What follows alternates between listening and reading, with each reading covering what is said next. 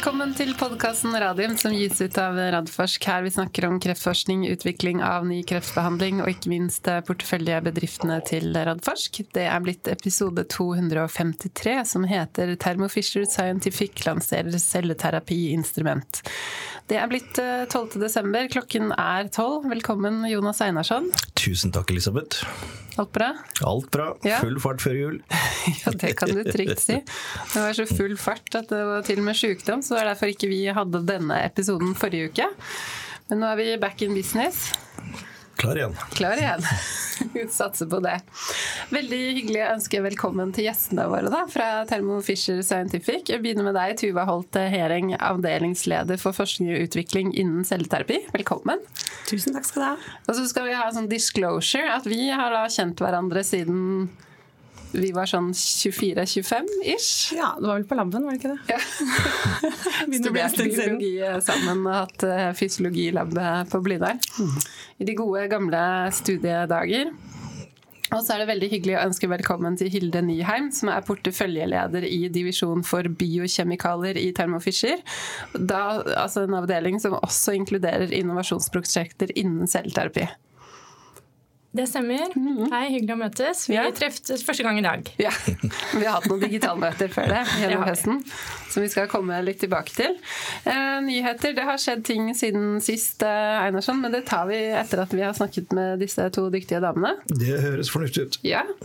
Um, og i og med at det er første gang dere er med oss i podkasten, så vil vi egentlig gjerne at dere starter med en uh, introduksjon av dere selv. Jeg tenker vi kan starte med deg, Tuva, når vi avslutter i hvert fall at du har gått på Blindern og studert biologi. Ja, ikke sant det er riktig. Ja, så jeg kommer fra Oslo. Jeg har tatt utdannelsen min på Universitetet i Oslo. Eh, tok masteren min på Immunologisk institutt på Rikshospitalet under veiledning av Bjarne Bogen og Inger Sandli. Ja, De er jo ikke ukjente størrelser eh, innafor dette området her. Nei, det regner jeg med. Så veldig inspirerende både miljø og veiledere, vil jeg si. Etter det så jobbet jeg ti år i ulike startup-bedrifter eh, her i Oslo. Og tok også doktorgraden min eh, samtidig med det på spermbiologi, av alle ting. Jeg rakk også en kjapp tur innom TV. Der jeg var med å utvikle et TV-program og være programleder sidekick i en vitenskapsserie som heter Kampen om livet, som gikk på NRK. Jeg husker jeg. Det gjorde en kjempejobb. Ja, det var veldig, mhm. veldig spennende og lærerik opplevelse. Og de siste seks årene så har jeg da jobbet i Thermo Fisher. Leder nå et uh, team på 26 engasjerte, dyktige forskere.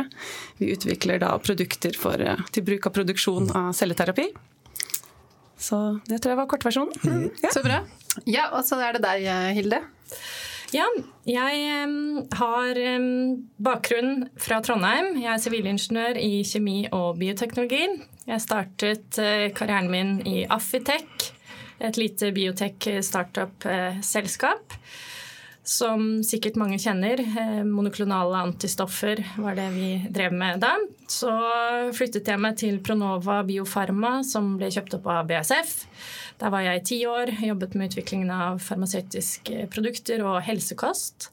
Og så kom jeg til Thermo Fisher for eh, fire år siden og har eh, jobbet som prosjektleder innenfor utviklingen utvikling av produkter til celleterapi. Nå har jeg fått en ny rolle, så jeg er porteføljeleder for divisjonen vi jobber i. Og der leder jeg et team av seks prosjektledere som, som tar seg av innovasjonsprosjekter deriblant celleterapi. Vi skal jo høre mye mer om ett av disse prosjektene snart. Eh, men Thermo Fisher, for de som ikke kjenner det, kan hva fortelle om selskapet Thermo Fisher? Ja, jeg kan si litt kort om det òg.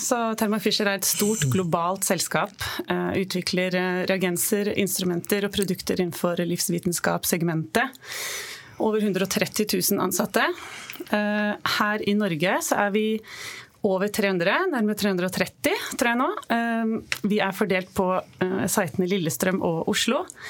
Det som er spesielt spennende med Norge-delen av Thermo Fisher, tenker jeg er at eh, de fleste produktene vi utvikler er basert på en norsk oppfinnelse, mm. nemlig Uglestadkulene også kalt Dine Beads. Så det var da en eh, professor, en kjemiprofessor i Trondheim, John Ugelstad, som fant en unik måte å lage helt like, altså monodisperse, små kuler på. Vi snakker eh, nano- mikrometer størrelse. Han klarte videre å gjøre de magnetisk. Og ved da å koble på antistoffer, så kan man uh, isolere og trekke ut celler, uh, proteiner og andre biomolekyler uh, fra en løsning, bare ved å liksom sette det til en magnet. Mm. Så tenker jeg det er ganske magisk altså, når man ser det der. Når ja. du ser liksom løsningen og så virvler rundt, og så setter du magneten på, og så bare sjuk, Ikke sant. Det er veldig visuelt enkelt å tenke seg at det liksom trekkes ut av løsningen. Det er en morsom del av historien nå, da, at denne utviklingen med antistoffene foregikk her på Institutt for kreftforskning og på Rallumstallet med Steinar Funderud i, i, hovedrollen. Så det er liksom en morsom del av historien. Absolutt, og jeg tror det har vært trukket fra mange ganger. Altså samarbeidet med eh, det gode immunologimiljøet miljøet har vært veldig viktige for suksessen av Dynal, da, som det het tidligere. Ja. Mm. Så er det også en gullstandard, altså det brukes i mange ulike applikasjoner, men det er en gullstandard innenfor en vitro-diagnostikk eh, spesielt. Eh, det er, eh, jeg har lært at det er fem Hvert sekund så er det fem eh, tester, nei 50 tester som gjennomføres med bruk av eh, Dynabids. Mm. Og det er også gullstandarden innenfor celleterapi. Mer enn 100 kliniske studier eh, har brukt eh, våre kuler eh, for å isolere og aktivere disse T-cellene innenfor CAR-T. Mm. Og brukes også i kommersialiserte CAR-T-produkter. Mm. Og har du tatt en covid-19-test, så har du dratt glede av denne teknologien. For den er med i mer enn 90% av de testene som uh, gjøres. Ja, her brukes den teknologien. Så det er, det er litt gøy. Ja. Ja, også, disse kulene produseres jo på Lillestrøm i en fabrikk der. Jeg har jo vært heldig og fått være med inn i fabrikken og kikka. Det er helt utrolig stilig. Ja.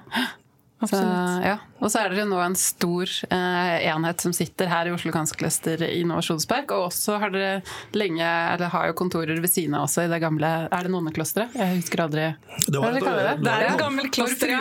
ja, ja. Veldig stor kontrast mellom det nye, flotte OCC. Ja. Mm. Neida, det er jo allerede masse samarbeid fortsatt mellom Thermo Fisher og miljøene våre her. Og det håper vi jo bare skal bli enda sterkere fremover. Eh, også da koblet opp mot det nye ACT senteret som vi har satt opp på, ja. på, institusjonen nå. Som vi håper virkelig skal være i tett samarbeid med Thermo Fisher framover. Så det er kjempespennende. Mm, absolutt. Ja, for oss er eh, det miljøet her eh, ekstremt viktig for oss. Vi har allerede flere samarbeid med Oslo universitetssykehus. Det er jo for at man skal kunne lage de beste produktene, så tenker jeg man må forstå biologien. Vi må mm. forstå hvordan produktene våre påvirker biologien. Og da er vi utrolig heldige som har et så sterkt celleterapimiljø mm. her på Oslo universitetssykehus. Så Veldig viktig for oss. Ja. Og det er veldig morsomt, fordi vi skal jo ha en podkast på torsdag på DNB Healthcare-konferansen.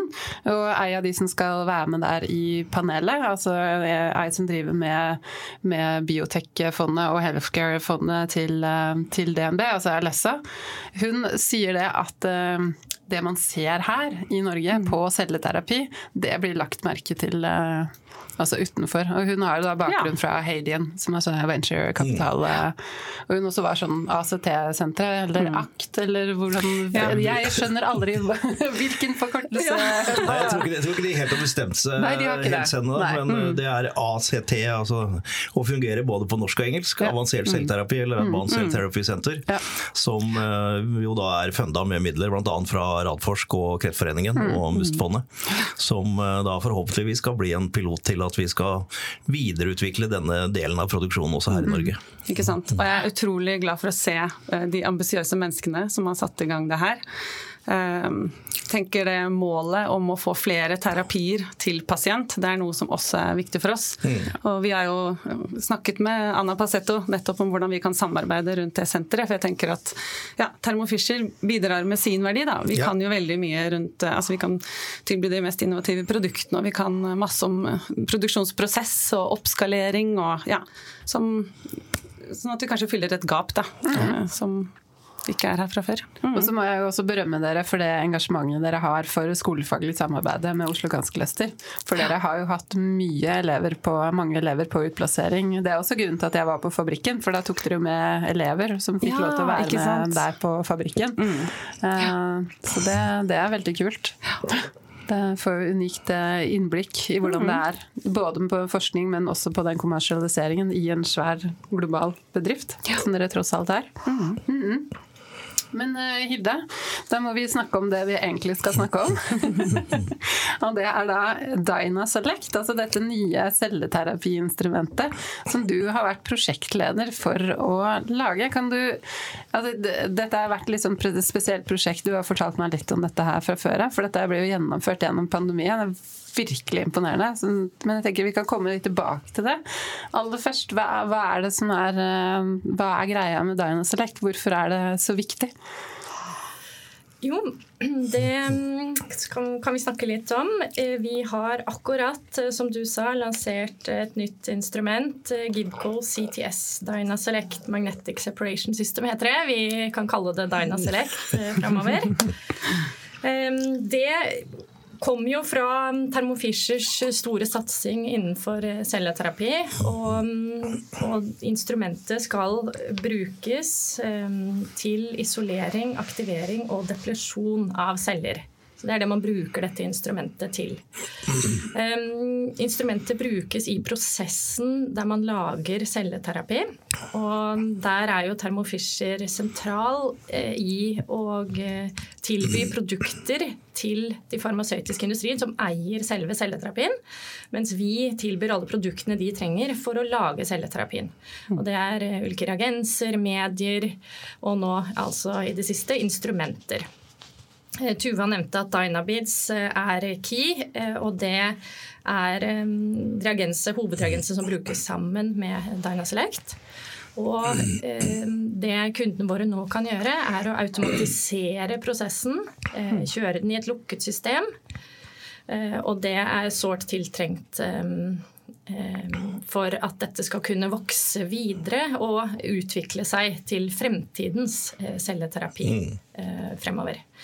Og for å forstå hvorfor, hvorfor, vi, hvorfor dette trengs, så kan vi gå ta et lite steg tilbake og forklare eh, hva celleterapi egentlig er, og hvordan det lages. Så celleterapi er jo når man bruker levende celler som medisin. Per nå så bruker man pasientens egne T-celler i denne CAR-T-terapien. Man tar de ut av pasienten eh, ved at man tar, en, tablo fra pasienten. Så må man isolere ut T-cellene, aktivere de og eh, endre de sånn at de begynner å produsere et protein på utsiden som vil gjenkjenne kreftcellene i blodet til pasienten. Så når de kommer inn igjen i, eh, i blodet, man da vasker og renser først, og så setter man de tilbake til pasienten. Så eh, kan de eh, drepe kreften mm. i, i, pasienten. Mm. Og dette er en komplisert prosess? Det er det det er. Og, og en manuell prosess ja. inntil nå. Helt med alt det innebærer av sant, sikkerhet, og man må være helt uh, nøyaktig på at dette er rent og sterilt. Mm. Og, og, vi mennesker gjør jo feil, mm. tenker jeg. Helt riktig. Og feilprosenten som har vært rapportert for i denne prosessen som nå lager dagens KRT, har vært så høy som 7-9 mm. Og vi har jo egentlig en nulltoleranse, fordi det er så kritisk materiale. Det er pasientens eget blod. Mm. Så hvis det skjer en feil, så kan det være eh, ja, liv eller død for den enkelte pasienten. Mm. Sånn at uh, å få automatisert den prosessen er uh, utrolig viktig framover for å kunne um, videreutvikle og tilby eh, celleterapi til flere pasienter. Og etter hvert håper vi jo også til flere krefttyper. Mm. Mm. Kan du si litt mer om planene der med flere krefttyper og sånn, eller er det sånn uh ja, der eh, har vi jo eh, flere innovasjonsprosjekter på gang innad i celleterapiteamet mm. her i Oslo, hvor vi ser på ulike ingredienser, da, eller ulike varianter av Dynabeads som vi skal utvikle fremover. Mm. Eh, hvor man kan se på andre celletyper enn akkurat T-celler. Mm. Det kan være NK-celler. Mm. Det har vært veldig mye fokus på T-celler, og så er liksom NK-cellene på vei opp. Absolutt. Ja, så ser man enda litt lenger fram, så ser man uh, IPC-er, Induced Pluripotent Stem Cells. Uh, hvor man da kan utvikle T-celler og NK-celler fra en mm. slags originalcelle og lage store banker. Så det er veldig mye som ja, kommer. som kommer. Ja. ja det, er, det er kjempespennende. og Vi har jo et selskap som jobber nettopp med NK-celler, mm. Celluna. Ja. Som eh, jo blir jo kjempespennende å, å følge videre. Mm. Uh, og da er det, Drømmen da er å flytte dette fra altså, liquid tumors, altså mm. blodsykdommer, til mm. solide uh, svulster. Ja, for det er jo liksom det som alltid har vært det vanskelige. Ja. Hvordan skal vi klare å angripe de Med CAR-10 så er det veldig vanskelig. Men ja, kanskje med NK. Ja, det er det de ser på da. Må man kanskje bruke an, et annet startmateriale? Er det subpopulasjoner av T-celler f.eks.? Tumor infiltrating lymphocytes? Er det andre mm. typer celler man, man må bruke for å mm. løse den store utfordringen der med solide tumorer? Da. Mm. Og nettopp dette har vi jo tenkt på når vi har utformet Dyna Select-instrumentet. Det skal være fleksibelt, det skal være skalerbart. Og for å møte fremtidens behov for celleterapi. Mm. Så mm, vi kan si mer konkret om instrumentet. Eh, det er jo et sånn benchtop-instrument. Består av en magnet som står oppå en rocker. Så har man en um, touchscreen med egenutviklet software for å styre instrumentet, lage protokoller. Og så er det et væskestyringspanel med forskjellige um, tuber og Bager? Bager, ja. Beklager. Nå Med forskjellige pumper og, og, sensorer. Og på det væskestyringspanelet så skal man sette et engangs slange bag-kit.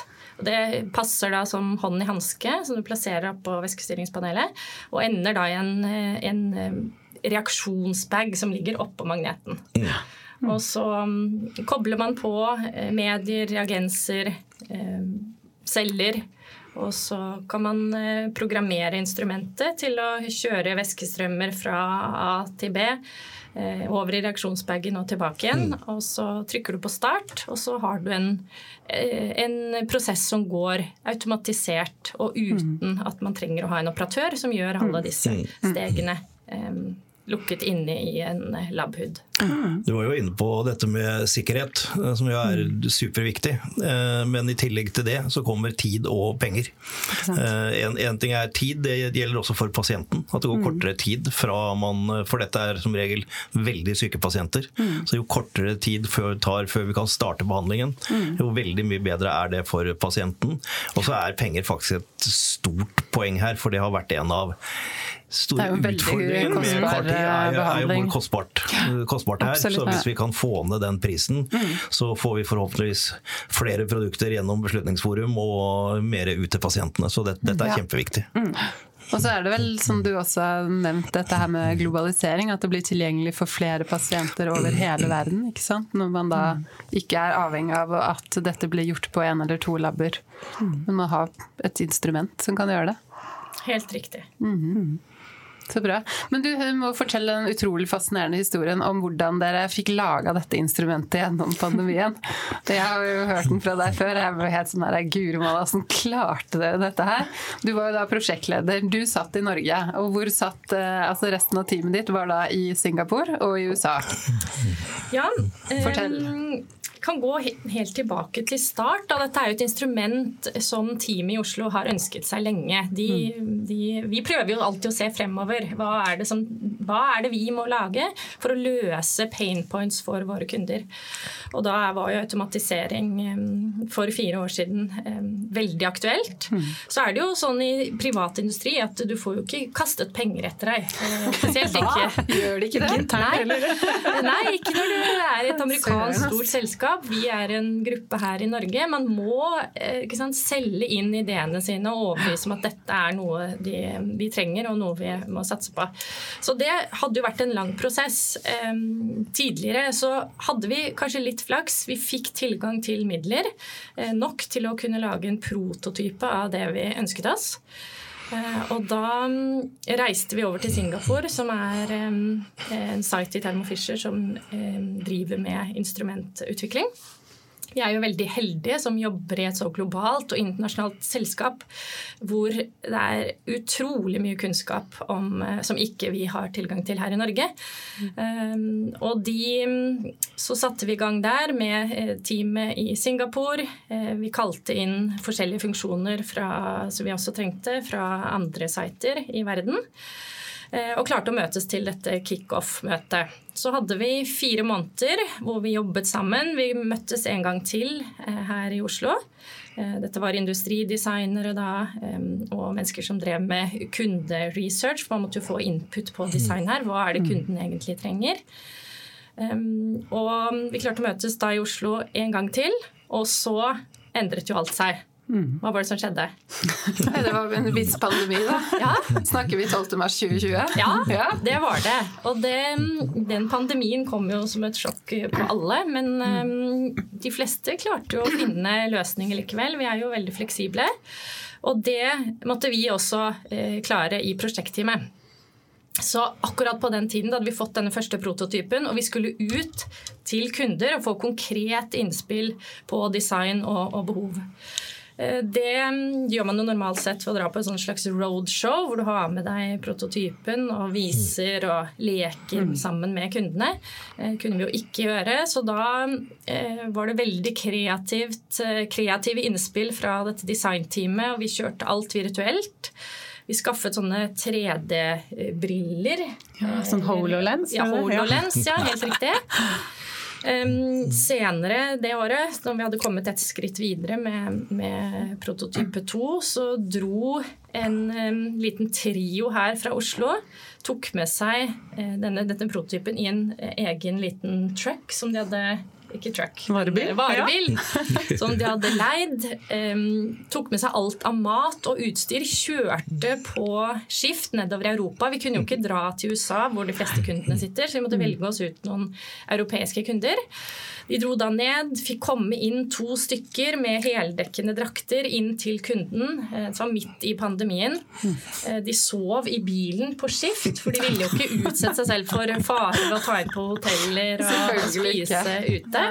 Og så fikk du ha gjennomført denne type alfatestingen som, mm. som, vi, som vi kaller det. Um, så møtte vi andre problemer også, selvfølgelig. Det er råvaremangel. Uh, disse skip chippene som man trenger inn i instrumenter, eh, sånne electronic eh, circuit boards, det var jo store, store problemer eh, worldwide for å, for å få, få, tak i. Mm. I tillegg til tuber og engangsutstyr til disse slangesettene.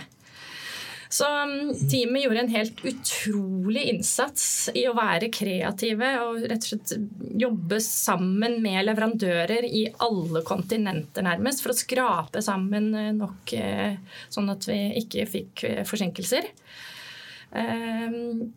Planleggingen, som vi også måtte gjøre virtuelt da, på tvers av seks ulike tidssoner det er eh, nesten 100 stykker som, som er, har vært involvert i dette prosjektet. Men det også gjorde vi virtuelt, og vi satte opp en plan. Og vi klarte å levere og lansere eksakt på tid mm. nå i oktober. Mm. Imponerende. Ja, det er så sjukt imponerende at, eh, at, det var mulig å få det til. Ja, det, det er litt imponerende, uh, syns vi selv. Um, det Vi har uh, gjort en liten analyse av hvordan hva som er key til at vi klarte å levere på tid. Um, og det vi mener selv, er at uh, det er tre hovedpunkter her. Vi gjorde et veldig grundig design input-arbeid det første året.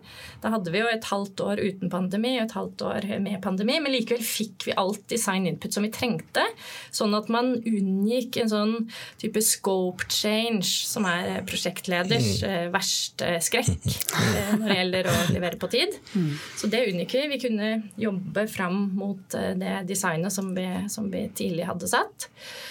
Um, I tillegg så hadde vi veldig strikt risikostyring.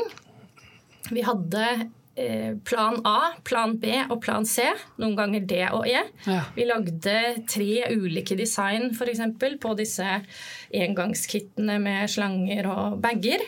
Og så når vi hadde da problemer med å få tak i den ene delen til det ene settet, så brukte vi det andre i den verifiseringsfasen, og så hadde vi hele tiden eh, ja, eh, forsikringer om at vi skulle kunne levere så fort som mulig. Og så det siste, som ikke minst, det var teamet. teamkulturen som vi fikk her, eh, på tvers av alle kulturer og landegrenser, den var ganske unik. Det var en utrolig høy willingness for success, som vi kalte det selv. Veldig mm. engasjert team. Mm. Eh, og en blanding av nye, men eh, sammen med sånne mm, eksperter i faget sitt. Mm. Som, som de, nye, de, nye, kom med den her engasjerte driven på at vi skal klare det. Og så smittet nok det over på de som har gjort, gjort dette mange ganger før. Og så ble det en sånn veldig høy um, villighet for at uh, man skulle yte det lille ekstra mm. hele tiden så er vi jo veldig heldige som jobber innenfor celleterapi. Mm. Eh, altså det er jo eh, lett å engasjere og motivere et team. Mm. mm. Ja. Fordi man tenker hele tiden på sluttbrukeren. Eh, ja, selvfølgelig de farmasøytiske industrien og de som skal kjøpe produktet, men pasienten er jo der med oss hele tiden. Mm. mm. Sånn at eh, vi mm, Det gir det lille ekstra. Mm. Vi lagde oss en sånn tenkt pasient om jeg skal komme inn på det. Eh, jo, fortell. En, ja. vi, er, vi, er, jo like, Det er jo driven vår også i alt vi gjør, pasienten. Så det, det gir gjenklang. Ja.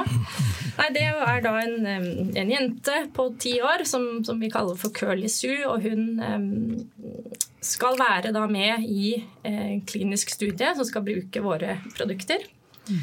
Og for henne så spiller hver dag en rolle. Mm. Så spennende. Så spennende. Veldig bra. Hvor skal dette instrumentet eh, produseres? Det skal produseres i Singapore, mm. av en Thermo Fisher-siten vår der. Mm. Og så har vi ja, så det, det produseres og, og, sendes ut derfra. Nettopp. Men hovedtyngden på biologi og funksjonalitet og celleterapi har jo vært hele tiden her mm. i Oslo og det miljøet rundt Dynabits. Mm. Og så er det jo på markedet. Så det blir jo veldig spennende ja. å se, for den ble jo lansert i oktober i år. Ja, ja. det er riktig. Det eh, blir... Så det blir veldig spennende å se framover nå, da, i forhold til uh, tilbakemeldinger fra reelle kunder ja, og nå gjelder det, salget. Ja. Hvem, hvem er, er, kundene? Er det både Akademia og Big Pharma?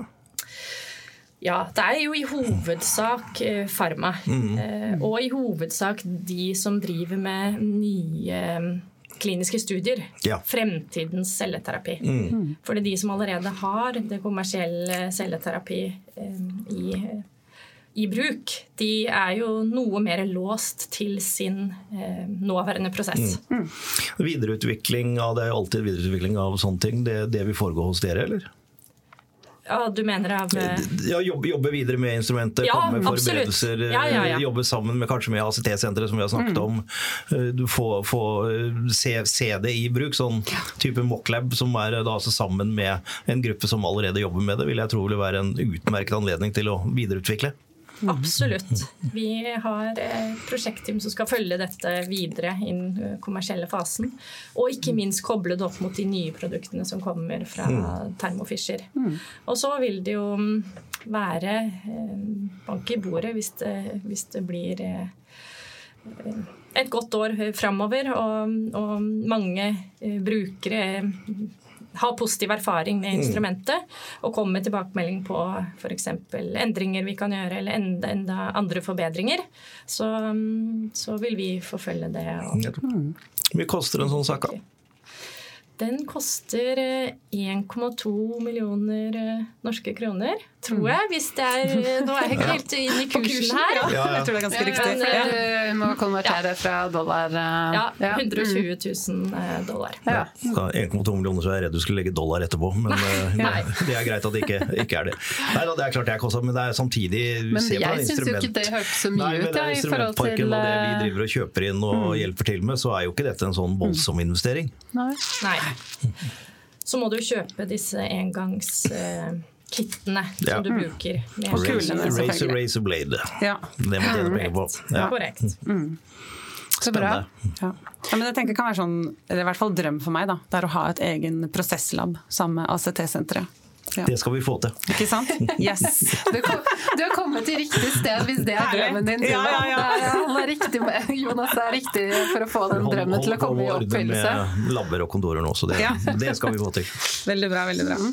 Men eh, det er egentlig et um, Tilbake til deg da, Tuva, i forhold til hva dere gjør på celleterapi i Thermo Fisher. For det, mm. dere har jo hatt en voldsom økning i antall ansatte og alt hva dere driver med. Fortell litt om mm. den satsinga dere gjør nå her i Norge.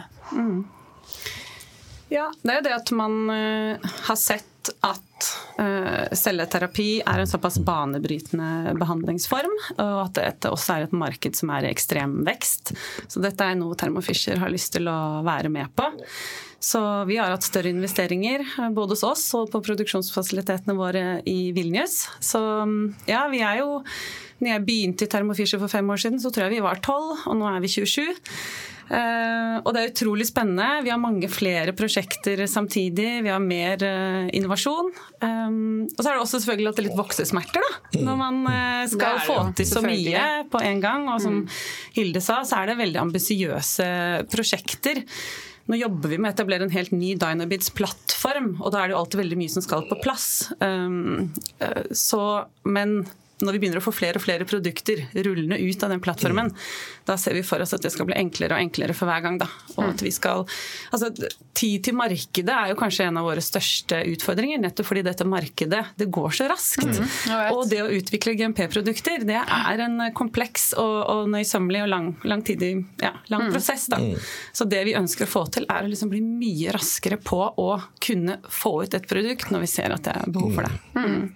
Mm. mm. Ja, for det er vel litt den der samme greia som vi ser er vanskelig med våre selskaper, når de skal mm. sette opp studier. Og hva er liksom standardbehandling, hva skal du sette opp mot det? Og så forandrer det seg så raskt. Jeg mm. tenker det er litt det samme som dere ser også, at plutselig så er det sånn Å ja, men her er det noe nytt. Eller nei, det er allerede for mm. seint med dette her. Ja, plutselig kommer det noe sånn banebrytende nytt som slår litt bena under det man har gjort før. Så her må man bare henge med i svingene altså, og prøve å være, ja, sanke så mye informasjon som mulig da, på hva som skjer der ute. Mm. Bli god på å se inn i den berømte krystallkula. Ja, ja, Ønsker meg en sånn til jul. kan du hjelpe til med det også? Hjelpe, ja. uh, nei, jeg, jeg sliter nok med min egen krystallkule, for å være helt ærlig. Så det tror jeg må stå over. Du og jeg skal få litt hjelp til å se inn i krystallkula på torsdag. Hvis vi skal komme tilbake til den podkasten, er nettopp det vi skal gjøre. I forhold til å få med oss eh, noen dyktige folk som skal fortelle litt mer om hva som skjer innenfor hele Men det er ikke bare selvterapi, da. Mm. Innenfor hele biotek-verden. Mm, um, vi skal gå inn uh, for landing, men uh, det skal jo ikke gå helt sånn upåakta hen at uh, man har altså, laget og produsert Dyna Select. Fortell litt mer mm. om hvordan dette skal markeres, Tuva. Ja, vi tenker, altså Det er jo litt stort for oss også at vi faktisk eh, produserer noe som syns. vi er vant til å jobbe i mikrometerskala og ikke så veldig visuelt. Men når vi nå har eh, klart å lansere et eh, så viktig produkt, og så synlig produkt, så ønsker vi å markere det. Så vi skal ha en event 7.2 på Latter, hvor vi inviterer alle fra dette gode miljøet og de som jobber hos oss da eh, vil vi snakke om pasientene, vi vil snakke om Dine Select. og vi vil også snakke om termofisher og gjøre det litt mer synlig, eh, kanskje for miljøet. Faktisk all den fantastiske innovasjonen som foregår hos oss.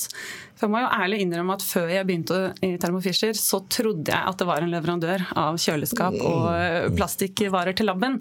Men det er det jo så absolutt ikke. Dette med denne historien med Dynabids-kulene og eh, ja, alt vi gjør da, for, for, pasienter verden over. tenker at vi kan kanskje enda, være enda litt mer synlige der. da så bruke denne muligheten mm. eh, til å synliggjøre det. Det er kjempeviktig at dere gjør. fordi eh, I tillegg til GE så er Thermo Fisher det eneste store globale, globale selskapet som har et forskning- og utviklingsfotavtrykk i Norge. Mm. Og Jo mer dere markedsfører det, jo mer håper jeg at andre big pharma-selskaper ser at det er et miljø her ja. som er vel verdt å jobbe sammen med. Enten det er innenfor selvterapi, innenfor radiofarmasi, mm. Eh, innenfor personalisert medisin, genomikken. Altså, vi, vi, vi, har noen felter hvor vi er veldig gode på, mm. og vi trenger hjelp til å markedsføre at det, er, det foregår faktisk noe her oppe i, oppe Ikke sant? Det går an å lykkes i Oslo. Ja. ja. Mm. ja. Enig. Veldig viktig. Det blir veldig bra. Det eventet jeg skal avsløre at jeg er med å planlegge det ja. med dere. En sånn disclaimer. Ja. Og så har jeg fått æren av å være møteleder, så det må si jeg gleder meg stort til. Og det, programmet er jo så å si klart, og vi, mm. dere kommer til å legge det ut nå i løpet av uh, uken. Ja. Så folk kan da gå inn på LMI sine nettsider og finne hele programmet og påmelding. Mm. Og det skal også være næringspolitisk debatt der. Det er jo også kjempeviktig. Mm. Eh, hvor vi enn så lenge har fått inn Alfred Bjørlo fra, fra Venstre. Hun er veldig tydelig på at man ønsker mm. noe med helsenæringen. Og også mm. Kristin Ørmen Johnsen, som har jobba mye med både helse og næring i, i, Høyre i mange år. Og så har vi jo invitert næringsministeren. Ja. Så vi håper jo, sitter og krysser fingre ja. og venter på et uh, positivt svar uh, fra han for å komme. Ja, det hadde vært veldig gøy. Ja. Mm. Det kommer jo til å synliggjøre på en måte hele verdikjeden her også, med, med Kalle Malmberg, ikke sant. Mm. Med ACT-senteret, som vi har snakka om mange ganger. Mikael Lensing fra Nycod kommer for å snakke mer om det der, hvor viktig det er eh, å bygge helsenæring og mm. få ut eh, potensialet. Ikke sant. Mm. Og vise fram celleterapi som et ja. særlig interessant område. Da, som det faktisk også går an å lykkes i. Ja. Mm. Så det, det, blir spennende. Mm. Men så utrolig morsomt å høre mer om dette her, eh, Hilde og Tuva. Tusen takk for at du ja, komme. Veldig fint å ha dere her. Har du noen siste ord? Vi skal jo ha nyheter, men til uh... Ja, nei, altså Jeg bare er kjempestolt og syns det er så fint uh, at vi faktisk gjør dette her i, uh, i Norge. Og, og, da Thermo Fisher her, som du sier, har nok vært litt sånn under radaren på hvor viktig Thermo Fisher er for hele miljøet vårt her. Mm -hmm. og ledelsen har vel vært ganske tydelig på at de ønsker å fortsette å satse mm. her i, eh, hos oss og, og, jobbe videre sammen med miljøet. Så det, det er utrolig viktig både for miljøet, for eh, forskningen, for pasientene, men også for norsk helsenæring ja. er dette viktig. Og det er jo en fantastisk industrihistorie allerede. Mm. ikke sant? Med Ugelstadkulene fra 72, og så Dinal, og så det det har vokst til, og det dere på en måte betyr for det internasjonale, globale Thermo Fisher-enheten også. Mm. Men masse flere muligheter, da. Ja. Som vi ikke vil ja. la gå fra oss. Ja. Akkurat starta, er det ikke det man pleier å si? jo, ikke sant? Tusen takk for at dere kom. Tusen hjertelig takk. Tusen takk for oss. Veldig hyggelig at vi kunne komme. Yes, Da må vi ta litt uh, nyheter, uh, Einarsson. For det skjer jo ting blant uh, selskapene våre. Um, jeg tenker vi kan starte med den siste meldingen fra Nycod. Ja.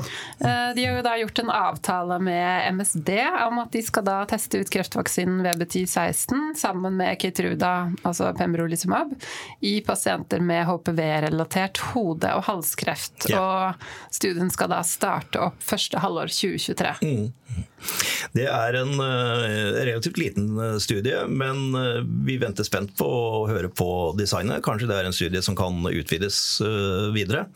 Det viktige i den meldingen er ikke det at de, hvis de har 20 pasienter, sparer 20 millioner med at MSD leverer Keytruda, men at MSD er villig til å gå inn i å gjøre en avtale rundt det. Det betyr at de er interessert, og det ser ut som MSD nå tar veldig mange lodd i hva kan vi bruke i tillegg til er, vi har jo flere selskaper som har fått tilsvarende avtaler. og viser at de, de, de ser muligheten for denne kombinasjonen med noe som kicker immunsystemet, i tillegg til checkpoint-inhibitoren. Eh, så det er en validering, og det er, eh, det er ikke noe lite det er et lite nåløye å komme igjennom og få den type avtaler, selv om de er i utgangspunktet ikke betyr så mye økonomisk, så betyr det at MSD er villig til å bruke tid og ressurser, for det gjør de før de inngår en sånn avtale. Så jeg syns dette er veldig spennende. Ja, og det, det, jeg også tenker på som man må ta inn over seg, er vel at Keitruda er vel den mest eh, solgte sjekkpunkthemmeren i dag. Og er jo også altså sånn Hvis du ser på markedsanalyser framover, så den kommer til å være den mest stolte det, eh, lang tid fremover. Ser absolutt sånn ut. Så, så når man er, får en ekte validering ja. av VB1016 sammen med Keytrude, så ja. betyr det faktisk eh, enormt mye. Absolutt. Så nei, det er veldig spennende. Og så eh, venter vi jo da i spenning på Nycod, som eh, Mikael Ensek har jo sagt at han skal legge fram et program for videreutvikling av nettopp dette produktet nå i løpet av året. og klokken tikker, så det er jo ikke så, så lenge igjen. Det, ja, og de pleier jo å holde det de sier. Det, det gjør de absolutt. Altså, det blir veldig spennende. Det, ja. det gleder jeg meg til. Ja. ja. Det, det, blir gøy å se hva det er. Um, og så kan vi nevne at Photocure har kommet med et par meldinger. ene er nye data fra en real world evidence nå klarer jeg ikke å tenke ut eh, norske navn eh, på dette. Du kan tenke på det mens jeg snakker videre. Eh, på at altså behandlingen deres minsker risikoen og forlenger tiden tilbakefall altså for blærekraftpasienter. Og dette her er jo fra den studien de Altså den Guri malla, registeret de har i USA. Ja.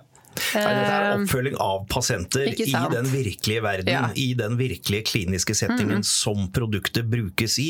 Og det er liksom det Og så sammenligner de med registerdata. Eh, sammenligner de med, ja. med registerdata, Takk, som er da foregår hele tiden. Og det er klart at eh, vi har snakket om dette tidligere, at én ting er resultater fra kliniske studier, som jo er veldig like pasienter. Du har inklusjon, du har eksklusjonskriterier, du har mm. alt dette her. Dette er de virkelige pasientene som da får denne behandlingen. Nå er jeg absolutt ikke en statistiker, men selv jeg ser på de P-verdiene og de tallene som kommer der. Og det er liksom hevet i mine øyne over enhver tvil om at det er Det eneste fornuftige er å bruke den blålysteknologien så ofte man kan. Det forhindrer virkelig tilbakefall. Er det hvorfor? Jo, det sier selskapet i utgangspunktet. Det er fordi at kirurgen ser kreftcellene mye bedre, mm. kan være mye nøyere med å få med seg mest mulig, og helst alt, av kreftceller. Eh, og det er det de har vist. Det de ikke har vist, men som man spekulerer mer og mer i, er det at er det lengden av tilbakefall skyldes det at faktisk kreftceller som er blitt igjen, blir drept fordi de er blitt utsatt for denne belysningen med Hexvix. Det er det ikke noe det er, det, er, det er, indikasjoner som peker i retning av det. Mm. Og det er liksom det som henger der langt fremme. Har det også en terapeutisk effekt i tillegg? Eh, og jo mer data, jo mer kan man jo tro av det. Men, men det viktigste er at det tar lengre tid for pasientene før de får tilbakefall. Mm. Og det er, altså, Fotokur har jo stadig vekk sånne data som kommer og som blir publisert, og det også tenker ja. jeg er kjempeviktig. At, ja. Eh, at, man eh, forsker så mye som mulig på det, og som du sier, da, etter hvert kanskje kan se om, om er det noe mer som skjer her, ja. enn at kirurgen klarer å ta ut um, alle kreftcellene ved å se det. Um, og så må vi snakke om Nordic Nanovektor. Ja, vi må vel det. Det er jo det Gå gjennom det som har skjedd siden sist. For i og med at vi ikke hadde podkasten forrige uke, så eh, først så var det jo generalforsamling. Og da ble det jo stemt ned at Nordic skulle gjennomføre det foreslåtte oppkjøpet mm. av Apin Therapeutics. Um, så da betyr det jo at det, det skjer ikke. Ikke nå, i hvert fall. Uh, nei. Og så så jeg at det har kommet en, en børsmelding, jeg tror det var fredag, Eh, som så vidt jeg kunne se ut fra den, er at da North Energy, som er da største aksjonær, mm. skal overholde en ny ekstraordinær generalforsamling. Hvor de skal eh, komme med agendaen. Ja. Uh, og så er det sånn nå at det nåværende styret i Nordic går av. Og de går da av på denne ekstraordinære generalforsamlingen. Yep. For dette er jo veldig juridiske mm. formalia ting som skjer nå i, i selskapet. Um, og så er det sånn at Hans Petter Bøhn, som er da det eneste medlemmet som blir igjen i valgkomiteen, Frem til denne generalforsamlingen? Ja. Mm. Eh, han da, kan da kontaktes for å foreslå nye medlemmer til den nye valgkomiteen som igjen da skal finne kandidater til det nye styret. Ja, de må jo komme med et nytt styre også på denne ja, generalforsamlingen. Ja, for de kan jo ikke fortsette Nei. uten styret. Nei. Nettopp. Så alt dette her skal da skje nå. Eh, og i tillegg så går Malene Brondberg av som interim CEO, eh, og også CFO. Og det vil jo da bli en av de første oppgavene til det nye styret, å finne en ny CEO, eller interim CEO, kanskje mest uh, sannsynlig, da. Eh, og så er det vel sånn at vi skulle få mer, mer detaljer denne, denne, uken her. Um, jeg holdt på å si, Du har ikke vært borti noe lignende drama i et av selskapene dine tidligere? Nei, ikke i noen porteføljeselskaper til, eh, til Radforsk. Det, det, det, det har, jeg, har, jeg, ikke gjort. Nei. Og så har jo du vært eh, tilbakeholden med hva du vil si i forhold til hva Radforsk Vi har jo fått spørsmål om det. Hva ja. stemte Radforsk? Hva vil Radforsk? Hvor? og da er jo eh, Du har sagt ingen kommentar. Dette vil du ikke gi ut noe informasjon om. Nei, altså, vi er som sagt veldig lei oss for at paradigmet feila, og betalutin i hvert fall inntil videre ikke blir videreutviklet. Så jeg tror ikke jeg kan gjøre annet enn å bare ønske nytt styre og nytt management i eh, selskapet lykke til, og håper virkelig at de får til noe da, som er en bedre løsning enn den som ble nedstemt. Mm. Ja, for det er det veien videre nå? For det er jo det alle spekulerer i. altså Hva skjer med Nordic eh, nå? Hvis vi ser bort fra liksom formalia her, da. Hva jeg vet ikke. Nei. Det er, eh, At styret går av er helt naturlig, for de sier jo at de har gjort en så god jobb som de kunne gjøre, og kom opp med en løsning som eh, ikke ble eh, vedtatt av aksjonærene. Og Da er det jo naturlig at disse mest fremtredende aksjonærene, som da har både denne AG-gruppen og, og North, at de kommer opp med, med sine løsninger. Og ønsker de selvfølgelig lykke til. Mm. Den er god. Da får vi bare vente og se. Eh, hva som skjer. Eh. Men eh, Tror du at de setter datoen før jul, eller venter de til over jul? Jeg vet ikke. Nei, nei jeg, du tror. Jeg vet at du ikke vet. Nei, det tror jeg ikke heller. Nei, Nei. Nei det er greit. Tro kan man gjøre i kirka, er det ikke ja. det man sier? No.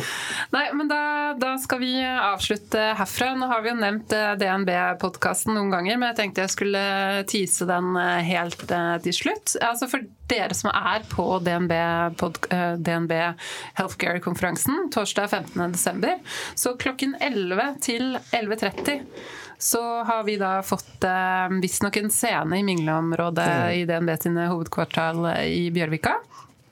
Hvor vi skal ha en livepodkast sammen med Marius Brun Haugen i DNB-podkasten Utbytte.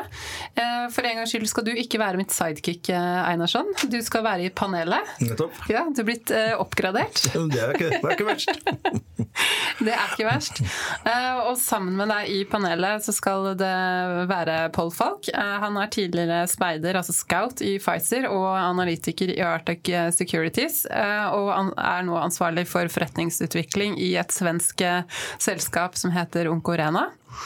Og så eh, skal dere også få med dere Anessa Mulla Besirovic, som er fondsforvalter i DNB Healthcare og Biotech Fund, som vi så vidt nevnte tidligere, i forhold til hva man ser etter der ute i verden. Og eh, dere har ikke fått noe enkel oppgave i panelet?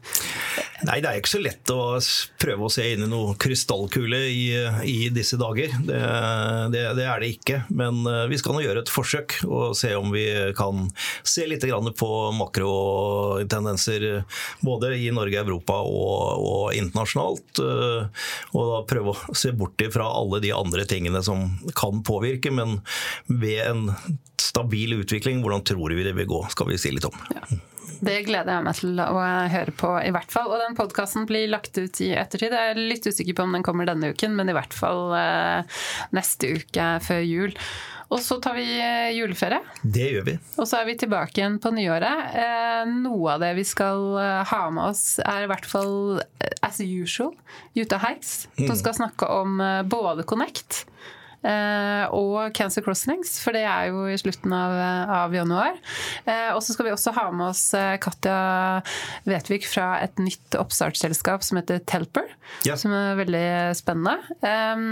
Så blir det jo masse spennende, og så får vi se nå hva som skjer med Nycom. Nå er det, syns jeg det er på tide at vi skal få inn Mikael og Agnete i studio igjen. Vi får satse på det når de har kommet med, med dette nå, så er det en naturlig ja. oppfølging at vi følger opp det med en podkast. Også som vanlig, det, det skjer jo mye bra og mye positivt, så det Jeg kan jo tease at jeg skal sammen med min kollega Anders Tuv til New York i begynnelsen av februar på en veldig spennende konferanse, som ikke er sånn rent vitenskapelig, men hvor vitenskapen møter industrien. Eh, og prøve å plukke litt opp eh, både tendenser og hvordan man ser på fremtiden nå. Så det kan vi jo ta en oppfølging på Det høres ut som en kjempespennende podkast. Kanskje til og med skal prøve å plukke dere opp eh, live i, eh, fra New York? Ja, det hadde jo vært spennende. Ja, Hvis ja. vi får til det med tidsforskjell og alt mulig. Er det kanskje det eneste måten å få eh, tuben med? Tuben med. vi, har, vi, har, en stående spøk her at vi, vi vil veldig, veldig, gjerne ha med Anders Tuv inn i studio, for han er så dyktig og har så mye innsikt og kunnskap. Men ja. Han er så hemmelighetsfull og det aner ikke hva han holder på med. Nei. ok, med det så sier vi takk for i dag.